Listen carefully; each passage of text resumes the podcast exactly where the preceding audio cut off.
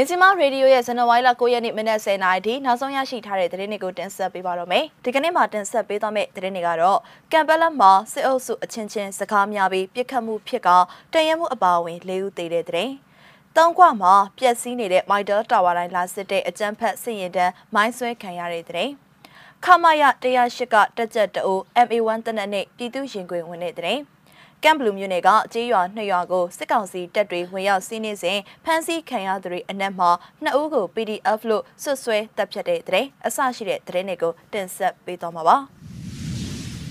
ဦးဆောင်တဲ့အနေနဲ့ကမ်ဘလက်မှာစေအိုစုအချင်းချင်းစကားများပြီးပြစ်ခတ်မှုဖြစ်ကတရဲမှုအပါဝင်၄ဦးတည်တဲ့တဲ့ရင်ကိုတင်ဆက်ပေးကြပါမယ်။ချင်းပြည်နယ်ကမ်ဘလက်မြို့မှာတက်ဆွဲထားတဲ့အကြမ်းဖက်စေအိုစုရဲ့ခလာရ140တက်အတွင်းမှာစေအိုစုတွေအချင်းချင်းစကားများပြီးပြစ်ခတ်မှုဖြစ်ရမှတရဲမှုတအူ ဗိုလ်ကြီးတအူတက်ချက်ကြီးတအူနဲ့တပ်သားတအူတေဆုံးသွားတယ်လို့ကမ်ဘလက်မြို့ပြည်သူ့အုပ်ချုပ်ရေးအဖွဲ့ကသတင်းထုတ်ပြန်ထားပါတယ်။ဇန်နဝါရီလ10ရက်နေ့မနက်ပိုင်းမှာဖြစ်ပွားခဲ့တာဖြစ်ပြီးတော့ပြစ်ခတ်ခံရတဲ့အကြောင်းရင်းကိုမသိရှိရသေးပဲပြစ်ခတ်မှုဖြစ်စဉ်မှန်ကန်ကြောင်းနဲ့တေဆုံးသူတွေကသိရသေးတယ်လို့ဆိုပါတယ်။အကြံဖက်ဆဲအုပ်စုအတွင်းမှာအထက်အောက်အဆင့်ဆင့်နှိပ်စက်မှုတွေနဲ့ဖိနှိပ်မှုတွေကြောင့်တက်တွင်းပုံကံထွက်ကြောမှုတွေဇက်တိုက်ဖြစ်ပွားနေပါတယ်။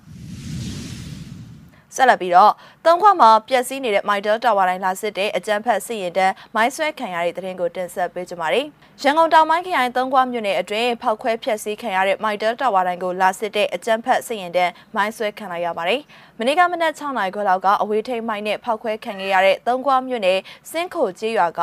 မိုက်တာတာဝါတိုင်းစက်ခန်းကိုလာစစ်တဲ့အကြမ်းဖက်စစ်ရင်တန်းဟာမနေ့ကညနေ3နာရီခွဲလောက်မှာမိုင်းဆွဲခံလိုက်ရတယ်လို့ဒေသခံပျောက်ကြားရဲဘော်တအုပ်ကပြောပါတယ်။ မနေ့ကညနေပိုင်းကစစ်ကား6စီးနဲ့လာတာပလောက်ထွာနဲ့စင်းခိုရွာကြားမှာမိုင်း6လုံးဆွဲတာစစ်ကားတစ်စီးထိတယ်မိုင်းဆွဲပြီးတာနဲ့ပြေးရတာမို့လို့တေးစင်းတော့မသိသေးဘူးတေးတာတော့တေးကြမှာပဲလို့သူကပြောပါတယ်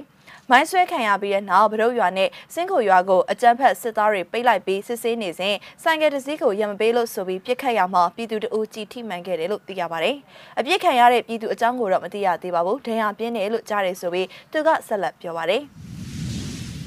စရဘီခမရ108ကတက်ကြက်တို MA1 တနက်နေ့ပြည်သူရင်ကိုဝင်တဲ့သတင်းကိုတင်ဆက်ပေးကြပါမယ်။ကရပြည်နယ်ဒီမော့ဆိုမြို့နယ်အတွင်းစစ်ကြောင်းထိုးလာတဲ့တမ66လက်အောက်ခံခမရ108ကတက်ကြက်တို MA1 တနက်တလက်နဲ့အတူပြည်သူရင်ခွင်ကိုဝင်ရောက်လာတယ်လို့သိရပါတယ်။သူဟာပြည်သူ့ကာကွယ်ရေးဒီမော့ဆို DMO PDFC ကို CDM လှုပ်လို့ကြောင်းဇန်နဝါရီလ9ရက်နေ့ကဆက်သွယ်လာခြင်းဖြစ်ပြီးတော့ဇန်နဝါရီလ9ရက်နေ့မှာအမျိုးသားညီညွတ်ရေးအစိုးရအလဲပိုင်းတိုင်းစစ်ဌာနချုပ်ထံကောင်းမွန်စွာလွှဲပြောင်းပေးလိုက်တယ်လို့ DMO PDF ကမနေ့ကထုတ်ပြန်လိုက်ပါတယ်။ CDM တက်ချက်ဟာအကြံဖက်စစ်အုပ်စုတက်ရဲ့မတရားပြုလုပ်နေတာကိုလက်မခံနိုင်တဲ့အတွက်ပြည်သူ့ဘက်တော်သားအဖြစ်ရည်တည်လာတာဖြစ်တယ်လို့သိရပါတယ်။အခုလိုရှေ့တန်းစစ်မြေပြင်ကနေအရေးစွန့်ထွက်ပြေးလာခဲ့တဲ့ CDM စစ်သားကို DMO PDF ကလူခွေရေးနဲ့အညီကြိုးဆိုလက်ခံခဲ့တယ်လို့လည်းထုတ်ပြန်ထားပါတယ်။ပြည်သူ့ဘက်ရည်တည်လို့တဲ့အရာရှိအရာခံတက်မတော်သားတွေကို DMO PDF ကနှွေးထွေးစွာကြိုးဆိုပြီးထိုက်ထိုက်တန်တန်ဂုဏ်ပြုချီးမြှင့်မယ်လို့လည်းဆိုပါတယ်ရှင်။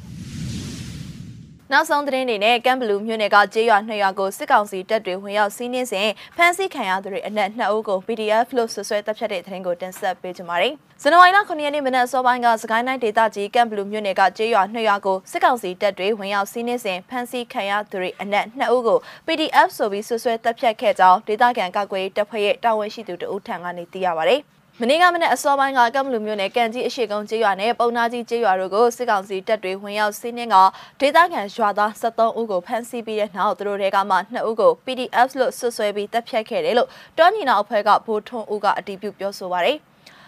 သိရသလားရွာနေရကအရက်သား73ယောက်ထဲက2ယောက်ကို PDF ဆိုပြီးတက်လိုက်တယ်လို့သိရတယ်။ရွာထဲကအလောင်း2လောင်းတဲထုတ်သွားတာကိုမြင်လိုက်တဲ့သူတွေလည်းရှိတယ်။ရွာထဲကိုဆဆဝင်ချင်းအင်ကိုတက်နဲ့ပြစ်ဖောက်ပြီးဝင်ဖမ်းသွားတာနှစ်ရွာစလုံးကရွာသားတွေလည်းထွက်ပြေးနေရတယ်။ကျန်တဲ့သူတွေကိုတော့ဆက်ဖမ်းထားတော့မယ်လို့တောညီနာအဖွဲ့ကဗိုလ်ထုံးဦးက AR တိုင်းကိုပြောကြောင်းသိရပါတယ်။သတင်းပေးထလန်တွေရဲ့သတင်းပေးမှုနဲ့ရွာလုံးကြုံမှုယူနေတဲ့ဒေသခံကာကွယ်တပ်ဖွဲ့ဝင်တွေစောက်ခွာချိန်မနက်၄နာရီခွဲဝန်းကျင်အချိန်မှာစစ်ကောင်စီတပ်တွေဝင်ရောက်စီးနင်းခဲ့ခြင်းဖြစ်ပြီးတော့ပြစ်ခတ်ဖမ်းဆီးမှုတွေကြောင့်ရွာလုံးကျွနေပါထွက်ပြေးတိမ်းရှောင်နေရကြောင်းသိရပါတယ်။ကျေးရွာနေရာကိုဝင်ရောက်စီးနင်းစဉ်အတွင်းလူနေအိမ်တွေအပြင်အိမ်မွေးတရိษံတွေကိုပါတပ်ဖြတ်မိရှို့ခဲ့ခြင်းဖြစ်ကြောင်းကမ်ဘလူဒေတာကာကွယ်ရေးတပ်ဖွဲ့ကသတင်းထုတ်ပြန်ထားပါတယ်ရှင်။မြစီမရေဒီယိုရဲ့ဇန်နဝါရီလ9ရက်နေ့မနက်10:00နာရီထိနောက်ဆုံးရရှိထားတဲ့သတင်းတွေကိုတင်ဆက်ပေးခဲ့တာပါ။နားဆင်ပေးခဲ့တဲ့အတွက်ကျေးဇူးတင်ပါတယ်ရှင်